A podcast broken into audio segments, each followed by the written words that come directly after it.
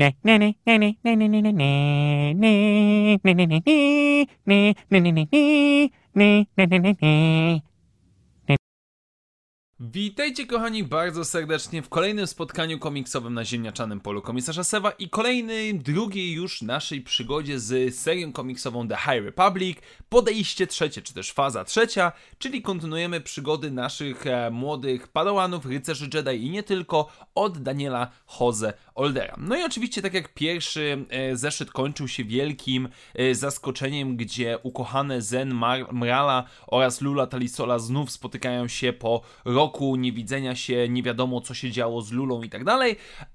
Pod koniec zeszłego komiksu okazało się, że ona jest jakimś tam samozwańczym rzezimieszkiem, władcą na jednej z planet na granicy Occlusion Zone od Nihilów Teraz na początku tego zeszytu dostajemy wyjaśnienie, co się właściwie stało. I okazuje się, że Lula oczywiście przeżyła e, zniszczenie Starlight Beacon, ale doznała amnezji, ponieważ nie pamięta kim jest, skąd pochodzi, co właściwie robi. No i widzimy na samym początku, jak ona e, próbuje w pewien sposób przetrwać. Ściąga zbroję od e, zabitych nihilów, którzy znajdują się w okolicy, jak i również kawałek ubrania od niejakiego Krixa Kamerata, który był e, jednym z głównych bohaterów, jednym z głównych złych bohaterów pierwszej serii The High Republic Adventures w pierwszej fazie.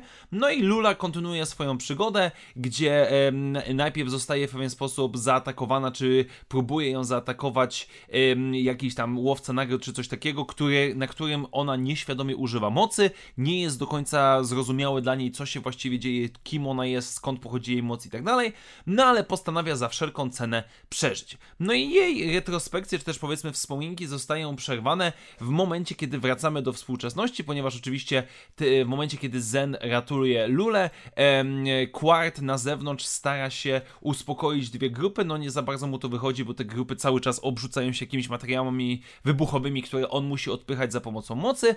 No i na samym końcu E, Lula w swoim, powiedzmy, przebraniu, e, w swoim alter ego mówi, że no, dro słuchajcie, drodzy ludzie, tutaj, tu, którzy tutaj przybyliście do mnie em, po rzeczy, których potrzebujecie, bo taka, powiedzmy, było, taki punkt był wyjścia w poprzednim zeszycie, e, to oczywiście im się absolutnie nie podoba, no i z małą pomocą swoich przyjaciół e, ucieka, wydostaje się z tej planety, no i postanawia ona wrócić do domu, ale tak jak to jest zbudowane w ramach tej serii komiksowej, ona już czuje się jakby była w domu.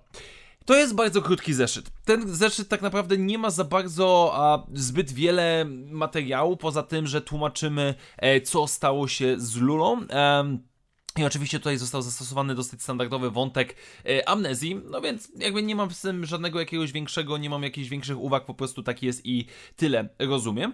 E, mamy oczywiście, e, w, e, będziemy mieli rozbudowane jej przygody między zniszczeniem Starlight Beacon a współczesnością, a z drugiej strony mamy e, ucieczkę naszych bohaterów i w jakiś sposób odnowienie ich relacji. Zobaczymy w jaki sposób to pójdzie dalej, e, jak bardzo zaawansowana jest ta amnezja, bo ona sama Quarta aż tak tak bardzo nie pamięta, ale również wyczuwa podświadomie, że rzeczywiście to są jej ludzie. Z rzeczy, które bardziej rzucają mi się w oczy, e, jej afro jest absurdalnie wielkie. Jakby to, co stało się z jej włosami, nie wiem, czy będzie w jakiś sposób wytłumaczone, ale pod sam koniec jest ono gigantyczne. Z drugiej natomiast strony e, zaskakuje mnie i, i ciekawi mnie w jaki sposób, czy zostanie jakoś bardziej rozbudowany wątek Krixa Kamerata. E, który pojawia się, który nie ginie ostatecznie, przynajmniej tak mi się to wydaje.